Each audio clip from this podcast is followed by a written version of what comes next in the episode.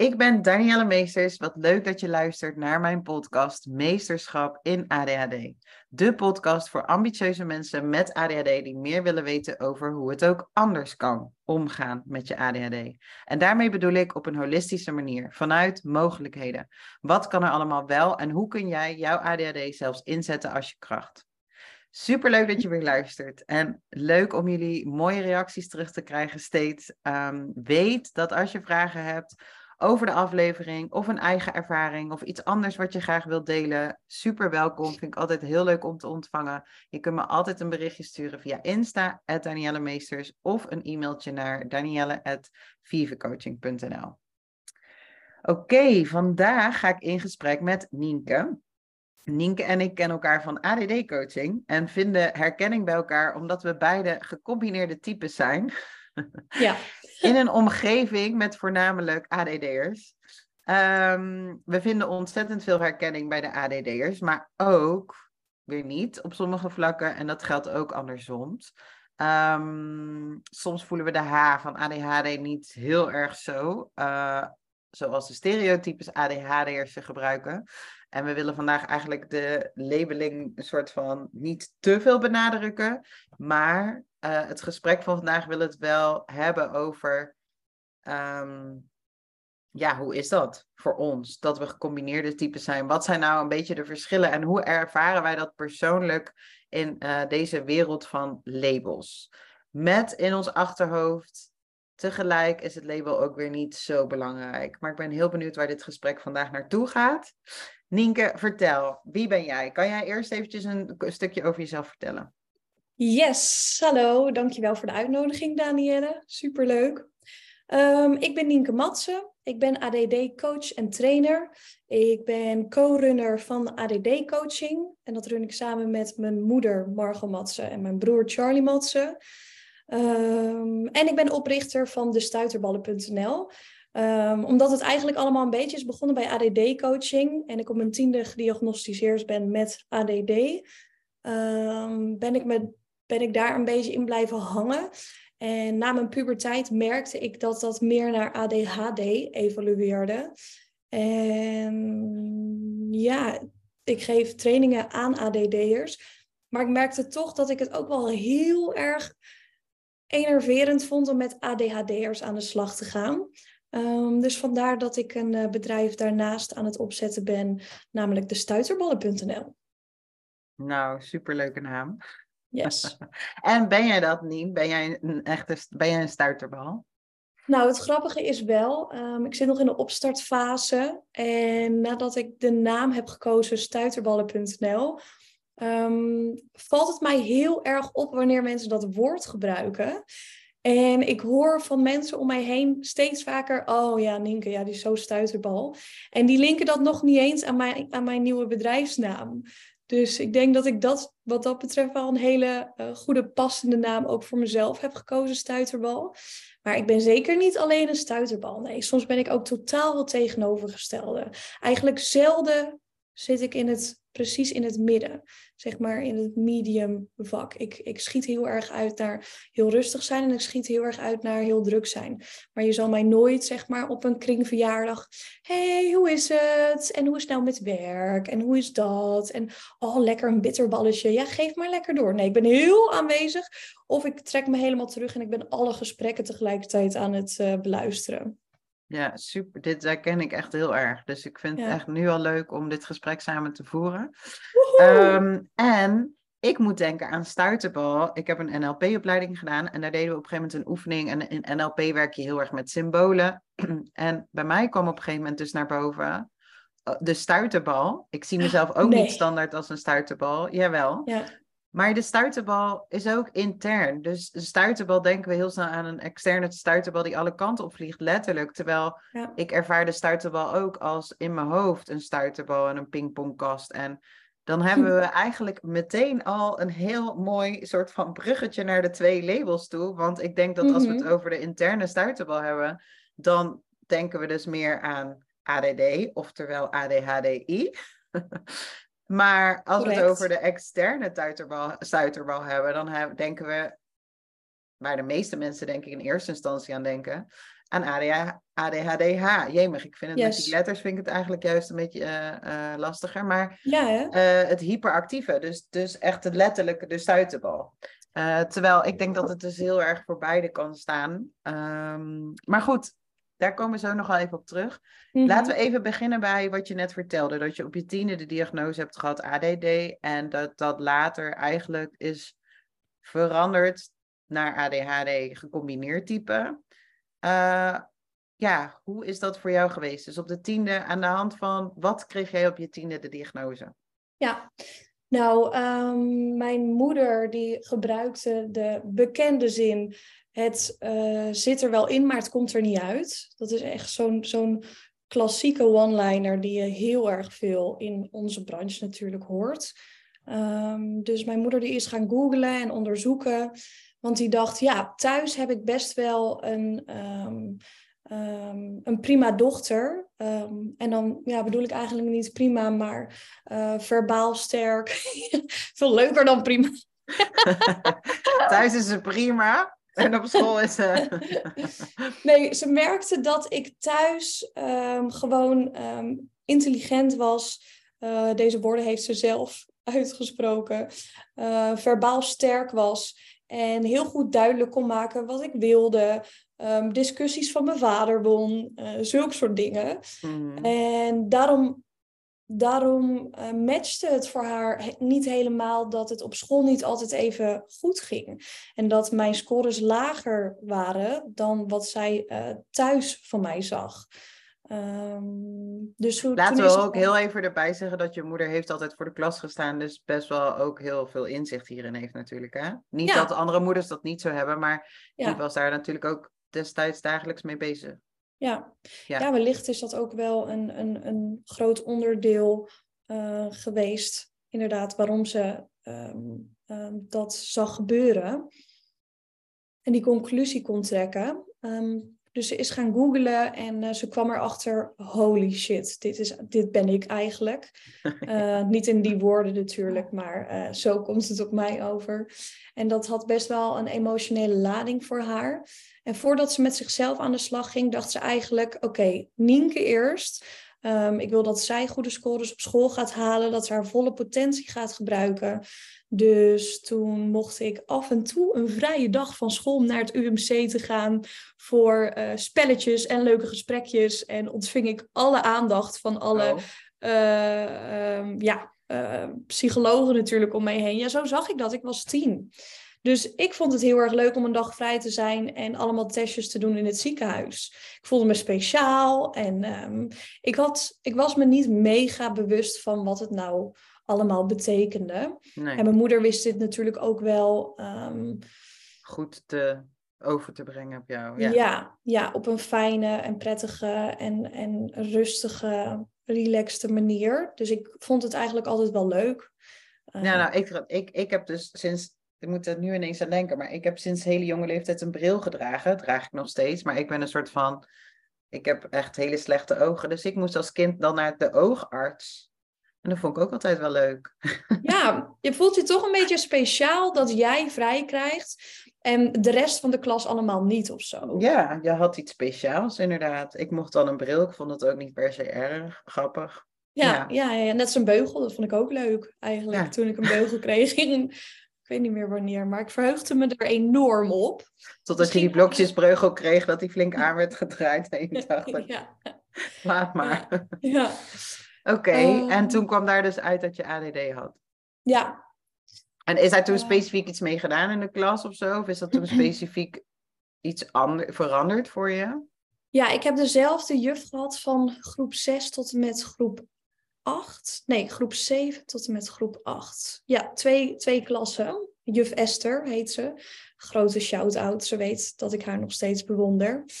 Ehm, en zij heeft mij eigenlijk van VMBO-K naar een HAVO-VWO-advies getild. In twee jaar. Dat was echt absurd. Dus nadat ik gediagnosticeerd was, en ook onder andere met medicatie aan de slag ging. En de docenten beter wisten wat er voor mij nodig was. Met de hulp ook van mijn moeder natuurlijk. Ehm, en ik, ik vlier, vlieren fluiten er gewoon doorheen. Ehm, ik heb, ik kan, heb hele, helemaal geen actieve herinneringen aan ehm, al die hulp die mij dus blijkbaar is gegeven. Dus dat wisten ze best wel leuk te verpakken of verbloemen, zeg maar. En in groep 8 stond iedereen perplex van mijn CITO-score. Ze dachten, nou, dit, is dit geluk? Of um, weet je wel, ze snapten niet. We vonden het allemaal best wel gek dat ik zo'n hoge score had.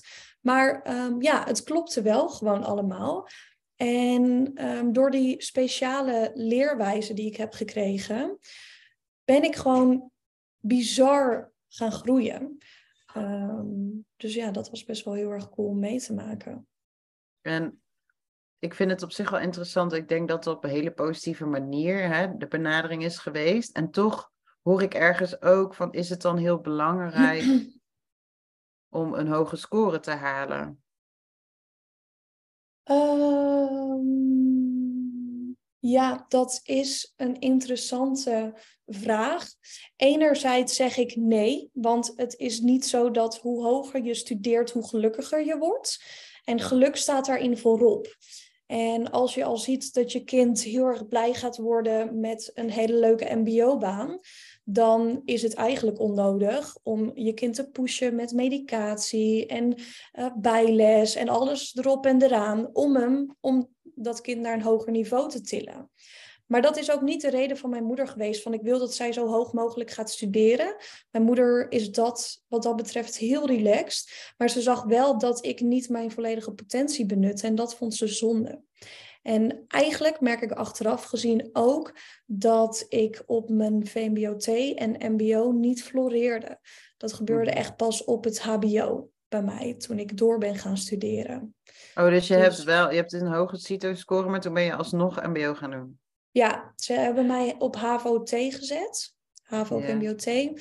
En um, ja, als je in een combiklas wordt gezet als ADHD'er, uh, even de overkoepelende term dus, um, dan zak je gewoon altijd naar het lagere um, Nou ja, bij mij was het andersom. Bij mij was het wel andersom. Dus oh, dan ja? weet je, ja. Oh, oké. Ja, ik deed altijd alles met hakken over de sloot. 5,5, zesjes. Want ik kon niet de motivatie vinden om te starten.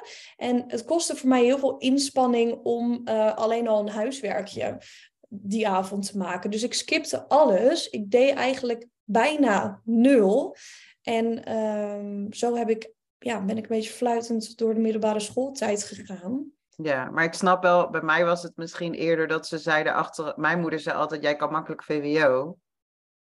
Maar uh, als je zou willen, kan je makkelijk VWO. Dus misschien, ik wil het absoluut niet over niveaus hebben, maar dat verklaart dan wel dat voor mij was HAVO, dus zeg maar met twee vingers in mijn neus. Maar ook oh, ja. over de sloot, snap je? Dus ja. hetzelfde verhaal als jij, maar dan in de haven. Maar uit, ik weet nog dat ik de diagnose kreeg en dat die man toen tegen mij zei, gezien mijn uh, carrière of dat hij terugkeek en hij zei: Wow, maar als jij eerder medicatie had gehad, dan had je een universitaire opleiding kunnen doen, had je dit en dat kunnen doen. En ik weet nog dat ik toen dacht: Ja, maar universitaire opleiding past helemaal niet bij mij. Want dan zit je de hele dag in de boeken en dan moet je allemaal ja. dikke pillen lezen. En dan ben je sowieso veel meer theoretisch bezig, terwijl ik meer een doener ben. Dus ja. ik, ik stel de vraag, van vooraf weet ik natuurlijk al dat dit vanuit een positieve intentie is. Maar het is natuurlijk wel interessant om het even te benoemen van... Hey, het is inderdaad niet belangrijk welk niveau je bent, maar ik denk dat het wel belangrijk is dat je gestimuleerd wordt op de juiste manier, zodat je inderdaad in je volledige potentie kan staan.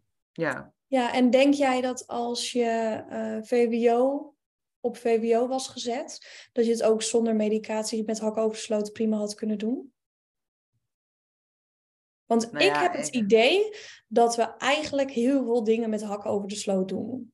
Nee, ik had VWO, maar ik wilde sowieso. Ik had helemaal die interesse überhaupt niet om VWO te doen, zeg maar. Maar dus... puur kunnen. Kunnen, hypothetisch gezien. Kunnen zonder medicatie.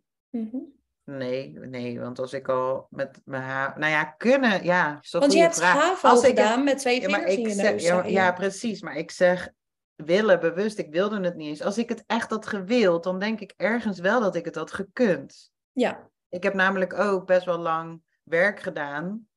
Wat ik vreselijk vond, maar wel wat echt tot in mijn tenen mijn energie kostte. Waar ik ook wel door in een burn-out ben gekomen. Maar dat is wel omdat ik ergens dus de drijfveer had. Ja, dat moest dan of dat hoorde zo. Maar ik wilde ook dat leven of zo. Ik wilde het graag kunnen. Dus als je je mind ergens toe zet, dan kan je het ook wel. Dus ik denk dat ik het ergens wel had gekund, inderdaad. Maar ik denk eigenlijk dat het een beetje hetzelfde is als bij jou. Dat jouw moeder ook zag, er zit meer. En dat mijn moeder ook tegen mij zei: Jij kan, jij kan makkelijk VWO doen als je het zou willen. En Mhm. dan niet in de zin van je doet het nu niet goed genoeg. Meer, zij herkende zichzelf denk ik ook gewoon in. Ja, maar je bent een vlierenfluiter. En het past misschien ook niet zo bij jou. Dus ik werd niet per se ondergestimuleerd. Mhm. Maar VWO was ook niet passend, snap je? Nee, nee, snap ik. Nee, ik heb het echt over het kunnen. Want Ja. ik merk wel bij mezelf achteraf gezien dat ik eigenlijk wel. Nou, ik ben ook wel blij met hoe het is gelopen.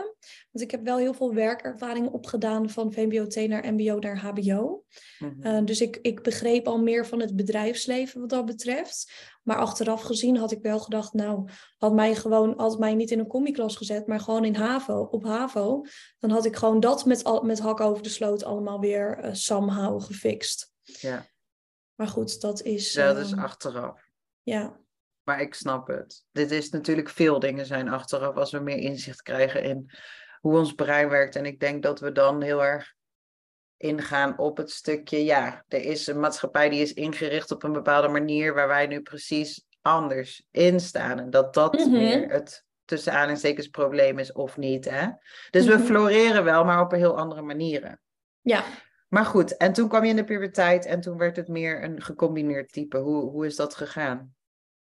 Ja, ik vind het eigenlijk best wel. Ze hebben mij eigenlijk gediagnosticeerd met heeft ADD. Ik kan me niet meer herinneren of daar een percentage of iets dergelijks aan zat. Ik was tien. Mhm. Ehm, ik zou die papieren eigenlijk nog wel eens een keer willen teruglezen. Die moeten misschien ergens liggen, dat is wel interessant. Maar ADD en erg theatraal stond in het, in het Oh. verslag. Ehm, dat weet mijn moeder nog vandaag de dag. En ik was wel als kind echt wel de praatjesmaker en de verhalenverteller. En hele rijke fantasie. Ehm, ik kon urenlang met Lego-poppetjes in mijn eentje spelen. Mijn broer die zette ze dan technisch in elkaar. Van die Lego-huizen en boten en eh, busjes. En ik ging er dan mee spelen, want ik had er miljoenen verhalen bij bedacht. Dus, maar op, in de klas was ik wel echt de dromer. En ehm, ik kan me niet meer goed herinneren of ik nou echt zo rustig was. Want ja, in, ehm, op de middelbare school evalueerde dat dus meer naar ADHD of ADHD-H. we doen ons best. Moet nog even erin. eh, ja, we gaan er maar zo nog even in fietsen. We hebben het er zo nog even over. Ja. Ja. En dat vond ik best wel ingewikkeld. Want het is algemeen bekend dat meisjes sneller onder eh, plus minus 12 met ADD gediagnosticeerd worden. Omdat pas tijdens hun puberteit hormonen vrijkomen en meer die drukkere kant zichtbaar wordt. Dus ik merkte dat ik de ene dag heel energiek kon zijn. En de andere dag echt weer dat dromerige, fantasierijke meisje dat een beetje uit het raam aan het staren was.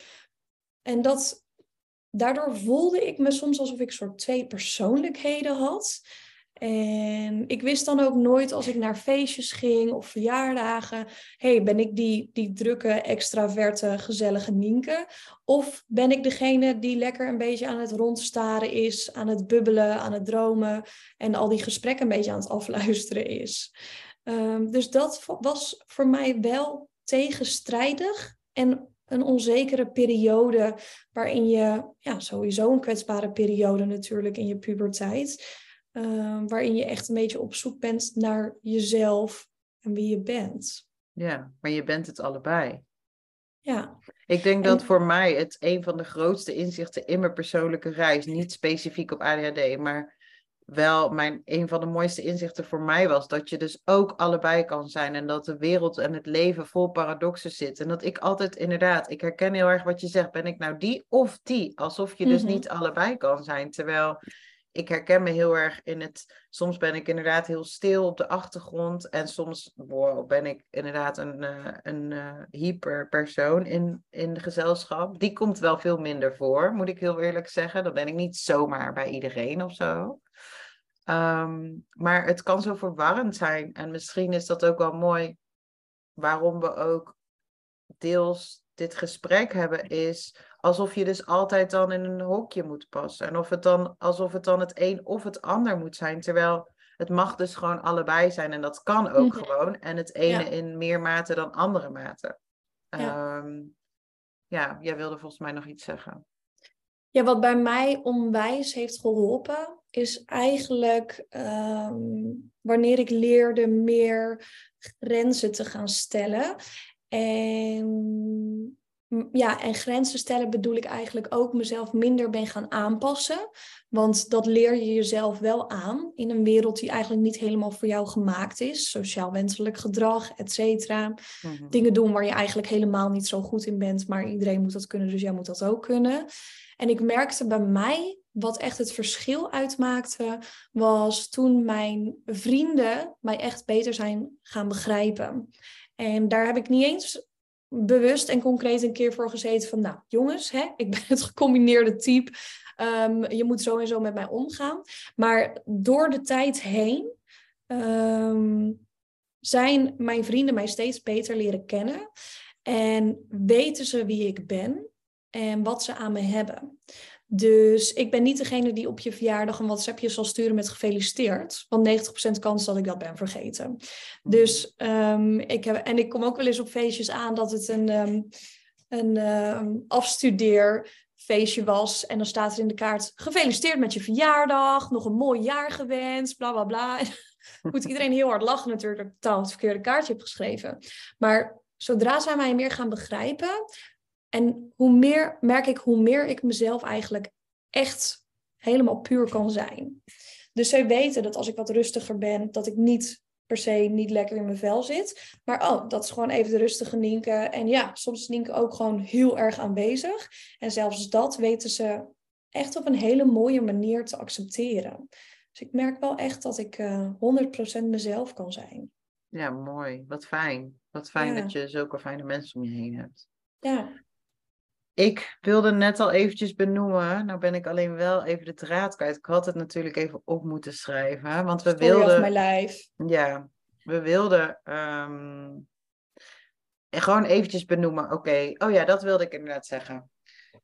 Wat ik wel steeds meer hoor, ik heb recent ook daar een podcast over geluisterd, dat het ook een beetje aan het verschuiven is. Dus de diagnose is aan het verschuiven. De manier van, dus wij hebben een soort van de eerste volwassenen die gediagnosticeerd werden, die werden eigenlijk aan de hand van een lijstje, en misschien is dat nog steeds een beetje zo, die in eerste instantie voor kinderen was, werd die een soort vertaald voor volwassenen. Dus waar een klein kind heel druk is, uitzicht dat misschien bij een volwassene niet meer heel druk, maar in andere dingen. En nu er steeds meer onderzoek komt naar ADHD, ehm, zie je dus ook dat er meer meisjes de diagnose krijgen, maar ook vrouwen in hun volwassen leeftijd, omdat de stereotypering zeg maar een beetje aan het verschuiven is. Dat ze dus nu zien dat eh, ADHD in het algemeen gewoon best wel veel verschillende uitingen heeft bij iedereen. En daar is dus op een gegeven moment, ik weet niet precies welk jaartal, maar ook een andere benaming voor gekomen. En ik denk dat dat alleen nog maar een proces is van iets wat zich aan het ontwikkelen is en wat, wat zich, ja,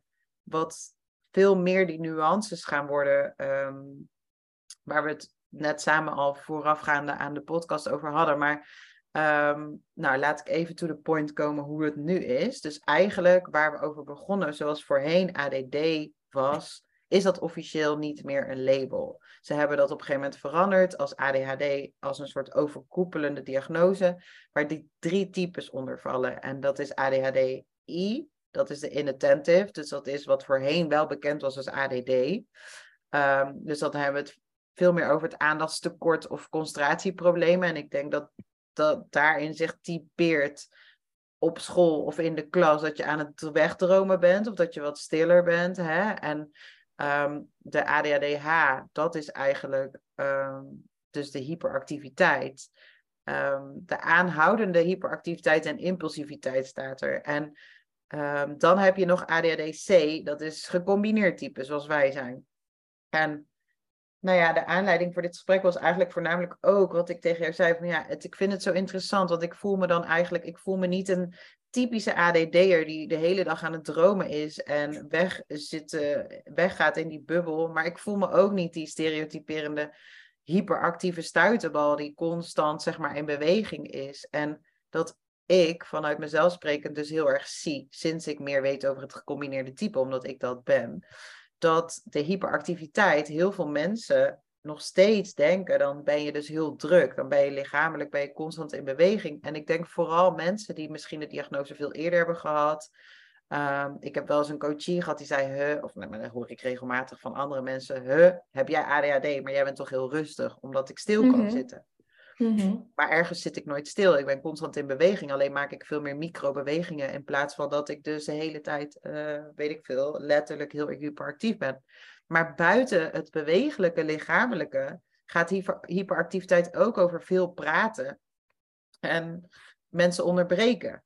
En als ik jou dan hoor zeggen, ik heb op mijn tiende de diagnose gehad ADD, theatraal, maar ze is theatraal. Hoe zei je het nou? Ja, theatraal ja, dan denk ik, ja. dat vind ik heel interessant. Want dat vind ik, dat theatrale vind ik juist weer heel typerend voor eigenlijk eh, het H-stukje. Omdat, het, omdat, het, omdat het meer, ja, ik wil het ook niet per se extravert en introvert noemen, maar ergens is dat het wel. Want in, in attentive ADD gaat veel meer over je binnenwereld, wat zeg maar onrustig is, wat we aan de buitenkant niet zo goed zien. En de H van hyperactiviteit gaat veel meer over dat we, dat we dus praten is ook extern. Dat is ook iets wat we kunnen merken aan iemand. En uh, nou ja, dat het soms dus een beetje gek is dat er dan binnen een label weer labels bestaan.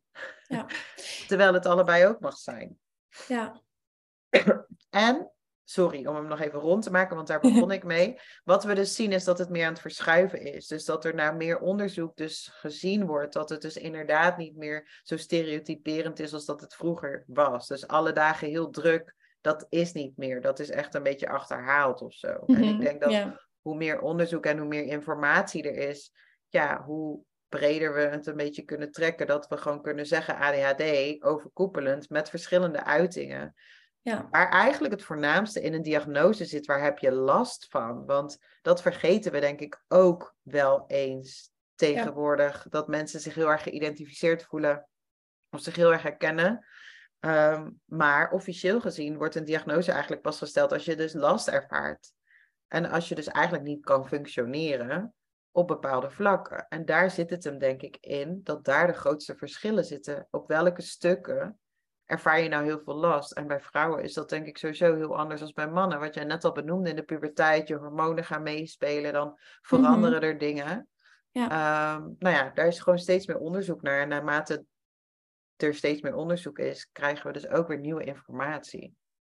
Ja, eigenlijk is die ontwikkeling best wel fijn voor mensen zoals jij en ik, die, die zich dus in ADHD-C um, herkennen. Want dat gecombineerde type, ja, dat hebben we gecombineerde type wel eens genoemd, maar dat is ook pas sinds, ehm, ja, ik weet niet hoe lang, maar niet toen ik tien was in ieder geval. Nee. Dus wat dat betreft is het een hele fijne ontwikkeling. Ja. Um, en wij hadden het er ja, voor de podcast ook even over van, we waren eventjes aan het sparren, omdat ja, je wilt de juiste termen gebruiken en het blijft ook een zoektocht. Um, zoals het verschil tussen ADD en ADHD. Eh, omdat het eigenlijk dan, um, ja, bij ADHD heb je die H zitten, die hyperactiviteit. Um, ja, dit wordt een knipstukje. nou, ik denk wat je wilt zeggen is, je hebt eigenlijk twee uitersten. Je hebt de, de, in het, de ADHD-I, dus voorheen ADD, meer van binnen en die binnenkant. En dan heb je de ADHD-H, hyperactieve. En eigenlijk is dat type voornamelijk hyperactief. En minder dat dromerige of concentratieproblemen. En oké, misschien is dit totaal niet onderbouwd en meer vanuit persoonlijk oogpunt. Maar ik vind dat heel interessant. Want er mhm. is tot nu toe geen enkele ADHD'er die ik ken die zich heel goed kan concentreren. Sorry, Ja. ik ben nog steeds een beetje verkouden. Maar waar ik daarmee wil zeggen is hoeveel mensen zijn alleen maar ADHD-H? Ja. Want Ja, zijn, pieker je dan dus niet? Ben je dan zeg maar van buiten een stuiterbal die heel onrustig is? Ehm, ja, dat kan hè, maar die heb ik nog Ja. niet echt ontmoet. Die dus alleen lichamelijk onrustig is en daar geen last van heeft ook in het brein. Want uiteindelijk Ehm, dus is dat een beetje waar je naartoe wilde? Dat het bij jou, jij zei, een schuifdeurtje, dat het voor jou als een soort schuifdeurtje is. Dat vond ik wel mooi. Wil je dat Mhm. nog eens vertellen, hoe jij dat dan zo ziet? Ja, ik zie het eigenlijk een beetje als een schaal van 0 tot 100. Met ADD aan de ene kant en ADHD aan de andere kant. En ehm, weet je, het is, ik denk ook niet dat je helemaal ADHD bent of helemaal ADD bent. Maar dat, ehm, ja. Het is een ehm, spectrum. Het is een spectrum die heen en weer kan schuiven. En dat kan op een dagelijkse basis zijn en op een wekelijkse basis, waarin je ehm, meer behoefte hebt aan bubbelen en terugtrekken, of meer behoefte hebt aan eh, mensen zien, energie kwijtraken, ehm, omdat, je, omdat je zoveel energie in je lijf ervaart. Ja, en nu jij dit zo zegt, ik ben me heel veel aan het verdiepen in je, in je maandelijkse cyclus. Bij Oh ja. vrouwen, Mhm. nou ja, je cyclus, letterlijk, je hormonen, is dat wat ze doen. Een Ja. periode in je cyclus trek je naar binnen en, en ben je aan het cocoonen. Letterlijk is zeg maar je herfst-winterperiode, dat is wat je hormonen je, eh, wat van je vragen. En de andere helft van je cyclus ga je naar buiten en eh, wil je jezelf laten zien, want eh, nou ja, dan mag je dus Ja. weer bevrucht worden, zeg maar. Ja. Dus, dus Ja, dat en is dit is letterlijk zo wat je hormonen belangrijk. doen. Ja, dat is zo belangrijk om ook verder te onderzoeken voor een vrouw. Omdat dat dingen zoveel meer gecompliceerd maakt. Maar ook belangrijk is om, om daar helderheid in te krijgen. Want ehm, ja, mijn emoties gaan gewoon echt met pieken en dalen. En dat vind ik best wel heel erg lastig. Ik ben ook hoogsensitief. ehm, door mijn ADHD ook. Ehm, en ja, ik vind dat best wel eens lastig. Ik heb een tijdje ook aan de anticonceptie gezeten, aan de pil. En nou, dat ging gewoon helemaal mis bij mij. Mijn, mijn hormoonhuishouden was echt een zooitje. En mijn emoties schoten weer alle kanten op. Dus ik ben daarmee gestopt, omdat het dingen alleen nog maar ingewikkelder maakte voor mij. Oh, grappig. Want je zou bijna juist denken dat het wat vlakker wordt. En dat het, maar dat is dus ook weer voor iedereen anders. Ja, Ehm, en nu jij dit zo benoemt, emotieregulatie is er ook eentje. Dat is eigenlijk impulsiviteit. Dus Mhm. ik ken ook genoeg mensen die dus zeg maar ADD hebben, die ook last hebben van die emotieregulatie. En emotieregulatie heeft te maken met impulsief reageren ergens op. Ehm, ja, Dus dat zit eigenlijk juist in dat H-stukje. Dus ja, nou willen we helemaal niet mensen in bepaalde hokjes duwen of zeggen van dit is goed, dit is niet goed. Ik denk dat eigenlijk de algehele boodschap juist is van joh, het is juist prettig dat het een spectrum is en dat we herkenningspunten bij elkaar vinden. Ja. Eh, laten we ook vooral niet focussen, want daar gaan we zo meteen ook op het andere focussen. Maar laten we ook vooral niet focussen wat dus inderdaad de disorder is. Hè? Dus waar we tegenaan lopen en waar we last van hebben. Want natuurlijk is dat de uitdaging en is dat belangrijk. Ehm, Mhm. En maar- dat is wel grappig dat je dat zegt, want ik zie het eigenlijk totaal niet als een disorder. Het klopt absoluut dat wij aandachtstekort hebben bij ehm, ehm, onderwerpen die ons dus totaal niet boeien. Maar geef ons een onderwerp die ons boeit en we gaan 200 km per uur. En we zuigen echt alle informatie op. Ja, dus, Dus, dat is, ehm, maar dat is ook iets wat, waar ze wel steeds meer in, on- gelukkig, steeds meer naar aan het kijken zijn. Hè? Van, ja, ik denk dat heel veel mensen het met je eens zijn, ik ook, over de benaming aan zich. Dus als we het dan toch hebben over de benaming ADHD, ADD, dan is dat allemaal niet juist, want er zit overal de D van disorder in, de, de laatste D. Dus uiteindelijk, ehm, nou ja, wilden we ook niet te ver daarin het gesprek laten leiden. Want is het zo belangrijk? Is het label Ja. überhaupt heel belangrijk? Mhm. Nou ja, ik denk dat het label je kan helpen. Het is een Ja. soort eh, eh, startpunt waar je heel veel ehm, mee kan. Omdat je dan gewoon mogelijkheden hebt van eh, waar je naartoe kan en hoe je ermee om kan gaan. Maar ehm, dat uiteindelijk ben jij jij als persoon en je bent niet je ADD, je bent niet je ADHD. Uh, en in, is iedereen daarin ook anders? En dat kwam net ook wel op, want jij zei diagnose van ADD theatraal. Ik weet nog dat ik mijn mhm. diagnose teruglas en dat was dan twee jaar na de diagnose of zo. En bij mij is ADHD ernstig, gecombineerd type ernstig. En dat ik daar dan een beetje van schrok. Dat ik, huh? Ja. Ernstig, maar ik had zelf ook zoiets. Ik heb toch niet de haar van hyperactiviteit, want ik ben toch vrij rustig. Maar mhm. zo zie je maar dat. En dat wil niet zeggen dat ernstig heel erg in dat hyperactieve zat of zo. Maar Ehm, ja, hoe het voor mij voelt, is ook niet per se hoe het dus het plaatje erop is geplakt. En ik denk dat wat vooral belangrijk is, is hoe het voelt voor jou. Wat vind je zelf prettig? Ja, en wat ik mooi ook vond van wat jij eerder zei, is dat doordat het ADHD nu de overkoepelende term wordt met I, H en C, maak je het wel meer een collectief en een soort team in plaats van ADD versus ADHD. Ja. Ehm, dus dat vond ik wel heel erg mooi hoe je dat benoemde. Ja, soms voel ik dat een beetje inderdaad. Daar hadden we het over voordat we de opname starten. Van ja, alsof je dan binnen het label nog steeds teams hebt van het een of het andere team. En dan hoor ik er nog steeds niet bij. Want ik heb het, of juist wel, want ik heb het allebei. Maar zo voelt dat niet voor mij, omdat ik niet alleen die hele stille ben. En ook niet alleen die hele hyperactieve. Sterker nog, ik denk niet dat ik denk, ja, er zijn gewoon mensen hyperactiever dan ik. Ja. dus ja. Ehm, ja, precies. Het is gewoon denk ik fijn om ons te focussen op de herkenbaarheden bij elkaar. En ook te zien van ja, je bent gewoon juist zo mooi en uniek als jezelf. Um, dus laten we dan ook het bruggetje maken naar oké, uiteindelijk gaat het label natuurlijk over waar we vooral tegenaan lopen en wat er allemaal zogenaamd niet goed aan ons is. Maar ehm, daar heb ik ook veel over gehoord en ook al over gelezen dat daar ook gelukkig aan het verschuiven is. Ehm, ja, je ADHD als superpower eigenlijk. Mm Hoe is dat voor jou persoonlijk? Wat, hoe zie jij jouw ADHD-C als kracht? Ja, nou dat is absoluut een, een hele reis geweest natuurlijk. En um, ik heb een hele fijne kinder- en tienertijd gehad. Maar ik ben na mijn tienertijd ook wel aardig met mijn, neuzen, met mijn neus op de feiten gedrukt. Um, en stages gelopen waarbij ik helemaal niet lekker in mijn vel zat. Omdat ik totaal niet begrepen werd. Um, en toch merkte dat ik onwijs anders dacht en functioneerde en associeerde. Um, daardoor ben ik me wel bewust geworden van het feit dat ik in bepaalde dingen gewoon bar slecht ben. En in sommige dingen gewoon steengoed. Hmm. En ik merkte dat ik, hoe meer ik me ben gaan focussen op wat ik nu noem superkrachten, hoe meer ik voor mekaar kreeg. En hoe meer ik ook die grenzen ging stellen, dus op een nieuwe functie. Voor uh, het werk wat ik nu doe, werkte ik in uh, de mode. Um, en was ik daar um, creative marketeer.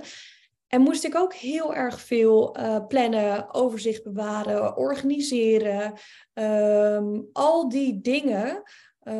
terwijl mijn cognitieve functies eigenlijk een beetje onder ontwikkeld zijn, merkte ik dat ik daar onwijs tegenaan liep. Maar hoe meer ik die grenzen bewaakte van ja, deal with it, jongens, hier ben ik slecht in. Maar ik kan wel hele leuke nieuwe projecten opzetten. Ik kan hele leuke creatieve ideeën bedenken. Ik kan hele mooie vormgeving neerzetten. Uh, merkte ik dat ik daarin steeds meer gewaardeerd werd. En ik dwong eigenlijk, en dat moet zeggen onbewust, daardoor meer respect af. Van, ja. Want ik denk dat heel veel mensen dat heel spannend vinden. En dat zie ik in de praktijk, de mensen die ik spreek, vinden dat we alles moeten kunnen. En dat in eerste instantie mensen ook bij me komen met, ja, ik ben hier heel goed in, maar dat niet. Maar ik moet dat waar ik niet goed in ben, moet ik ook kunnen. En ik vind het zo fantastisch dat jij dit nu zo benoemt. Van inderdaad grenzen stellen, maar ook ja, de moed hebben, want het is ook heel dapper natuurlijk, om te zeggen, ja, en hier ben ik minder goed in, maar dan komt juist die kracht veel meer naar voren. Ja, absoluut. En dan, dan kan je helemaal, dan kan je echt vol in je potentie staan. Ja, en, en dat heb ik zo bijzonder ervaren. En dat komt echt grotendeels door mijn laatste paar um, werk ervaringen en functies waarin ik echt mocht floreren. Ehm, ja, ben ik me daar bewust van geworden. En wat je ook zegt, die coaches, die komen dan wel eens naar je toe. En die vragen, ja, ehm, het, het, gaat, um, het, het, het is 50% leuk op werk en die andere 50% niet. Dan is eigenlijk al bijna het eerste wat ik vraag, waarom zit je daar dan nog? Want ik vind het zonde om maar de helft van de tijd het ergens naar mijn zin te hebben. Dan ben ik eigenlijk al weg. Um, dat nou, is ook en eigenlijk is dat ook niet zo, want 50% wat je energie kost, dat, dan heb je niet meer die volledige 50% om plezier te maken. Want doordat die 50% energie kost, heb je eigenlijk niet meer volledig die energie over, denk ik dan ja. ook. Ja. ja. En ja. Dus, uh, sorry hoor, ik onderbrak je. no maar waarom zit je hier inderdaad? Dus dan komen coaches met die vraag uh, van waar heb je last van? van hoe, Terwijl, ja, en dan vragen ze, hoe kan ik die... Oh, sorry, nu ja, val ik jou in de reden. Ja, ga verder. Gaat goed met ons. Nou, dan vragen ze van, um, ik wil graag uh, beter worden in die 50% waar ik slecht in ben. Ja. En dan denk ik, ja, en daar gaat het dus helemaal mis. Want stel dat de gemiddelde mens 50% goed is in plannen. En jij bent misschien 25% dan kost het voor jou zoveel energie en tijd om die 50% te bereiken. Terwijl zet gewoon die mensen in die daar wel goed in zijn. Want voor jou kost het twee keer zoveel tijd. Nou, dat kost je werkgever twee keer zoveel, zoveel geld.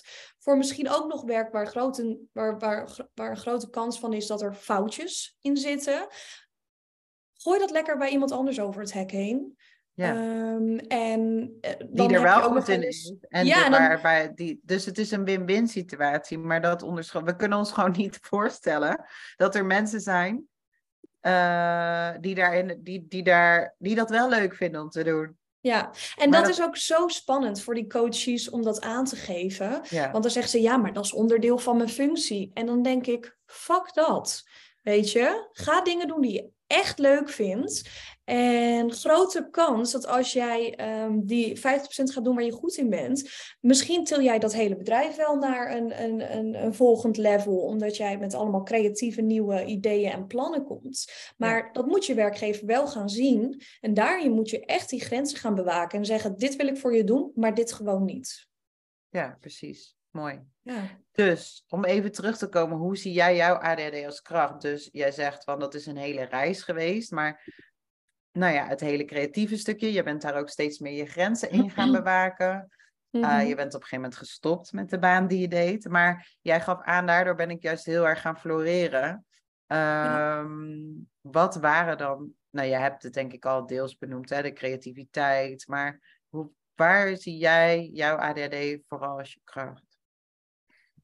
Nou, ik moet zeggen, het is ook een stukje mentaliteit die ik van mijn moeder heb meegekregen. Waarin zij eigenlijk in mijn kindertijd uh, van nul tot nu altijd tegen mij heeft gezegd: Nienke, alles wat je wilt doen, dat kan je, ga ervoor. Um, in honderdduizend verschillende versies liet ze me dat altijd weten. Dus ik dacht ook echt als kind van ja, de hongersnood um, in Afrika, dat moet gewoon opgelost worden. Zodra ik 18 ben, dan boek ik een vliegticket en dan ga ik dat oplossen. Snap je? Zo, zo dacht ik eigenlijk dat altijd alles mogelijk was.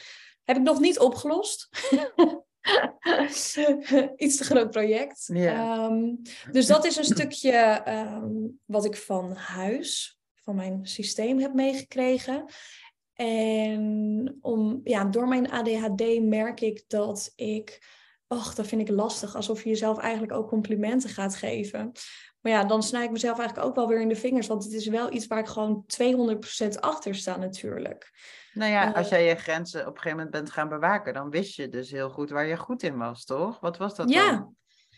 Um, nou ja, voor dat modebedrijf waar ik heb gewerkt, uh, merkte ik, heb ik echt wel een, een hele bijzondere ontwikkeling gemaakt in twee jaar. Ik begon daar en zij hebben mij wat tools geleerd op Photoshop bijvoorbeeld. En daar ben ik steeds meer in gaan spelen en ontwikkelen en steeds meer verantwoordelijkheid kreeg ik daarin, omdat mijn werk steeds maar verbeterde.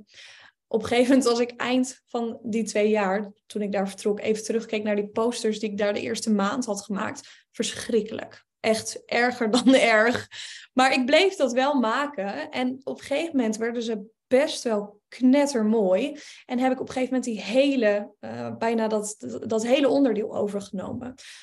Plus um, um, de fotografie, uh, de videografie, dus de promo-video's.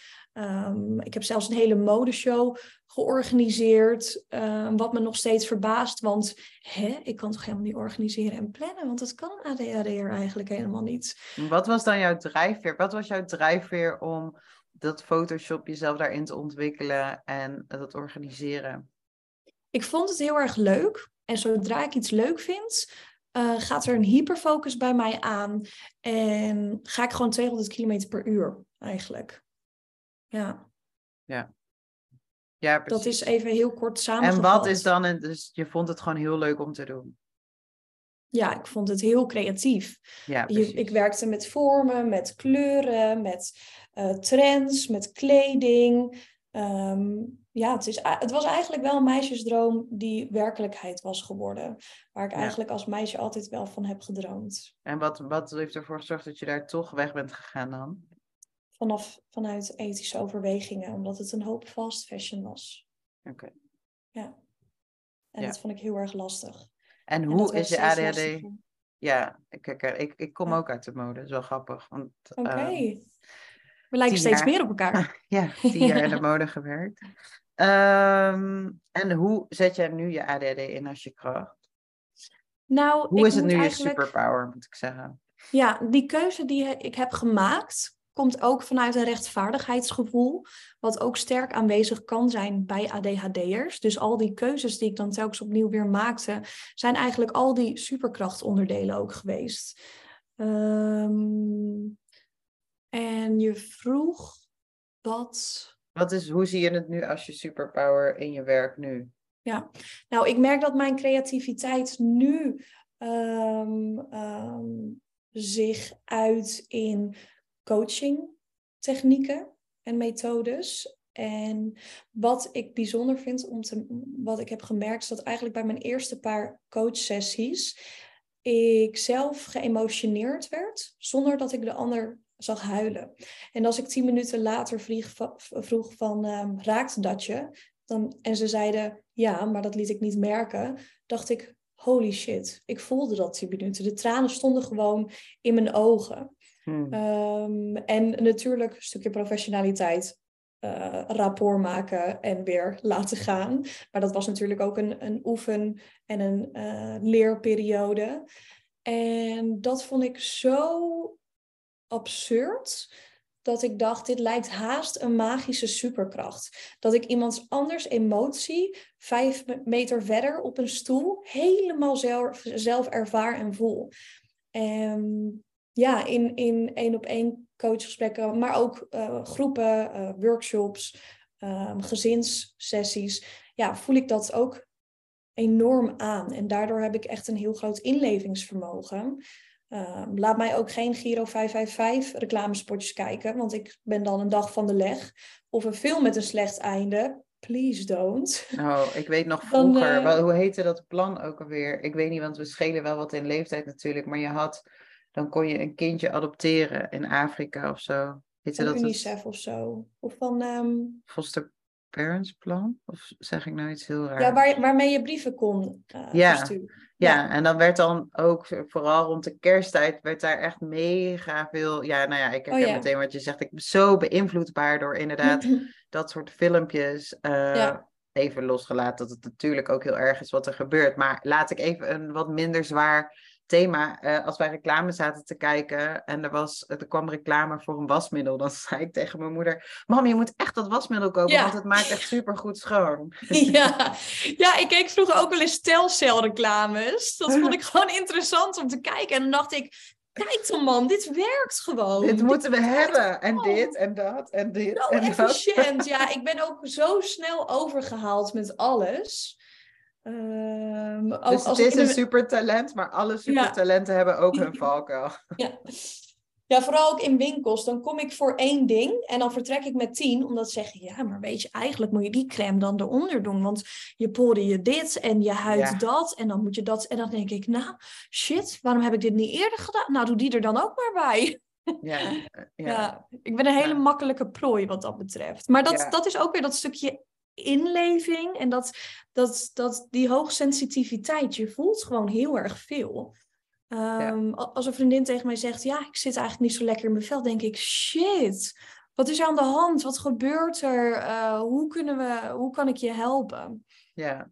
Dus het hoge inlevingsvermogen, dat zie je echt wel als je superkracht. Ja, absoluut. Vind ik ook wel heel mooi dat je het zegt, want ik denk dat heel veel mensen daar juist ook op een gegeven moment tegenaan lopen. Dat het, nou ja, de grenzen daarin stellen is natuurlijk ook heel belangrijk. En inderdaad, ja, bij het stukje eh, komen van ehm, eerst bij jezelf en dan pas bij de ander. Je kan dat pas echt als je superkracht gebruiken, als je gewoon stevig zelf in je vel en in je schoenen staat. Toch? Mhm. Ja, ja. Ja, Ja, en ik denk het, het sociale aspect, ehm, de sfeermaker met die gevoeligheid, vind, ben ik heel sfeergevoelig. Wat ook weer een keerzijde heeft. Want op elke verjaardag wil ik eigenlijk het liefst een, een, een discobal aan het plafond hangen. En zorgen dat iedereen de beste verjaardag van zijn leven heeft meegemaakt. Ehm, omdat ik sfeergevoelig ben en omdat ik het belangrijk vind dat iedereen het naar zijn zin heeft. En dat is ook nog een leerproces voor mij van hou het bij jezelf. ja, En tegelijkertijd ook door dat rechtvaardigheidsgevoel en iemand valt er buiten, dan denk ik, yo, dat is niet oké. Ik ga even naar die persoon toe en ik zeg even, hey, en hoe heet jij? En hoe is het met je? Bla bla bla. Om die persoon erbij te trekken, terwijl het soms helemaal niet mijn verjaardag ook is. ja. Nou ja, en ik denk dat dat gewoon een ongoing process is forever of zo in het leven. Ja. Dat dat ook de groei is. Maar ik kwam eigenlijk net tot een hele mooie conclusie. Mhm, Ineens kwam die zo binnen. mhm. Ik denk dat onze superpower ook juist is dat we in het midden zitten. Dus dat we allebei voelen, dat we het allebei voelen. Hè? Dus als we het hebben over dat spectrum en het gecombineerde type. We begrijpen allebei de kanten heel goed. We snappen allebei de onrustkanten, zeg maar. Dus we kunnen eigenlijk juist op heel veel niveaus levelen. Niet alleen met mede-ADHD'ers, maar ook gewoon in Mhm. het algemeen. Omdat we, Ja. nou ja, omdat we en sfeermakers zijn. En nou ja, dus het eigenlijk allebei hebben ook het, het rustige. En ik denk dat dat soms ook juist de uitdaging is. Want dat voelt dan misschien nog wel meer als die flipperkast en die stuiterbal. Mhm. Soms is het gewoon wat fijner als je, dat denken wij dan misschien, ik, als ik voor mezelf spreek, hè, het, soms is het fijner als je gewoon heel duidelijk een kader hebt, maar dat heeft uiteindelijk misschien niemand, dat lijkt misschien heel erg zo. Ehm, Ja, dat lijkt ook wel een beetje op de haat-liefde verhouding met structuur. Dus we Ja. hebben die kaders heel graag en die structuur. Maar zodra we het hebben, denken we, "Huh, nee, verschrikkelijk. Ik wil niet nu al weten wat ik volgende week dinsdag ga doen. Dus nee, schrappen die zooi. Ja, en voor mij is dan de weg om gewoon te accepteren dat ik soms heel veel behoefte heb om het wel gestructureerd te doen en soms niet. En daar leg ik me dan soms ook al bij neer. Ja. Maar inderdaad, dat is het. En ik denk dat dat in eerste instantie misschien het gevoel van een ja, buitengesloten voelen, achtig. Zo van ik hoor er weer niet helemaal bij. En nu denk ik, ja, maar het is juist iets heel moois ook weer. Want alles heeft zijn eigen, en dan is het ene niet beter dan het ander. Maar alles heeft gewoon ook heel erg zijn uniekheid en zijn mooiheid, zeg maar. ja. Eh, zijn toegevoegde waarde. Ja, en ik denk zodra, zolang je ehm, dicht bij jezelf kan blijven en je niet gaat aanpassen. En het dus echt leert omarmen en accepteren. En je omgeving accepteert dat en weet hoe die, hoe die eh, met jou om moet gaan, eh, mag gaan. Dan ben je best wel heel erg ver. Ja, en jij zegt van, eh, en je omgeving accepteert jou. Kijk, er zullen genoeg mensen zijn die het niet accepteren, maar dat, is, dat ga je altijd zo houden. Als in, Ja. je directe omgeving is natuurlijk heel belangrijk, maar ik heb wel van iemand geleerd, kijk, ga ervan uit dat je 10% van de mensheid is je fan en vind je wel leuk. Richt je dan ook op die 10% en ga je niet Ja. richten op die andere 90%, wat best wel veel is. Dus die ga je altijd tegenkomen. Maar ja, ik denk dat dat in de essentie is, zit het hem gewoon in Ja. jezelf omarmen en eh, van jezelf houden precies zoals je bent. Eh, dus jezelf leren kennen en vanuit dat punt ook de moed hebben om keuzes te maken om dat leven te creëren wat past bij jou, Ja. maar ook de mensen te kiezen om je heen. Ja. Ehm, ja, en dat je dan voor jezelf Ja. best wel een heel mooi leven kan creëren, toch? Ja, en daar mag je ook wel kritisch in zijn. Dus hoe ik dat bijvoorbeeld bij mijn werkomgeving heel duidelijk die grenzen ben gaan bewaken. Ehm, ben ik ook kritisch met nieuwe vrienden maken.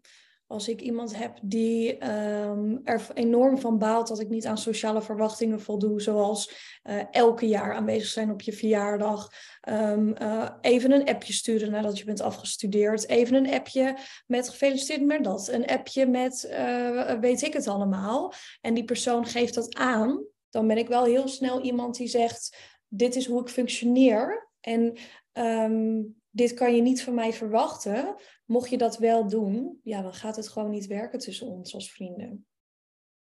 Ja. ja. En daarmee ontstaat er gewoon alleen maar ruimte voor dat wat wel beter past. Ik denk dat het leven ook, ja, dat, ga je nu helemaal even naar macro, maar het leven ook te kort is om je te blijven aanpassen aan mensen die energie kosten. Um, en hoe meer je die, die mensen om je heen uh, hebt die wel bij jou passen, ja, je, wilt toch alles eruit halen, snap je? Je wil wel zo gelukkig mogelijk leven. En ik, ik ben niet gelukkig met mensen om mij heen die mij bekritiseren omdat ik anders denk um, of gewoon niet aan sociale verwachtingen voldoen.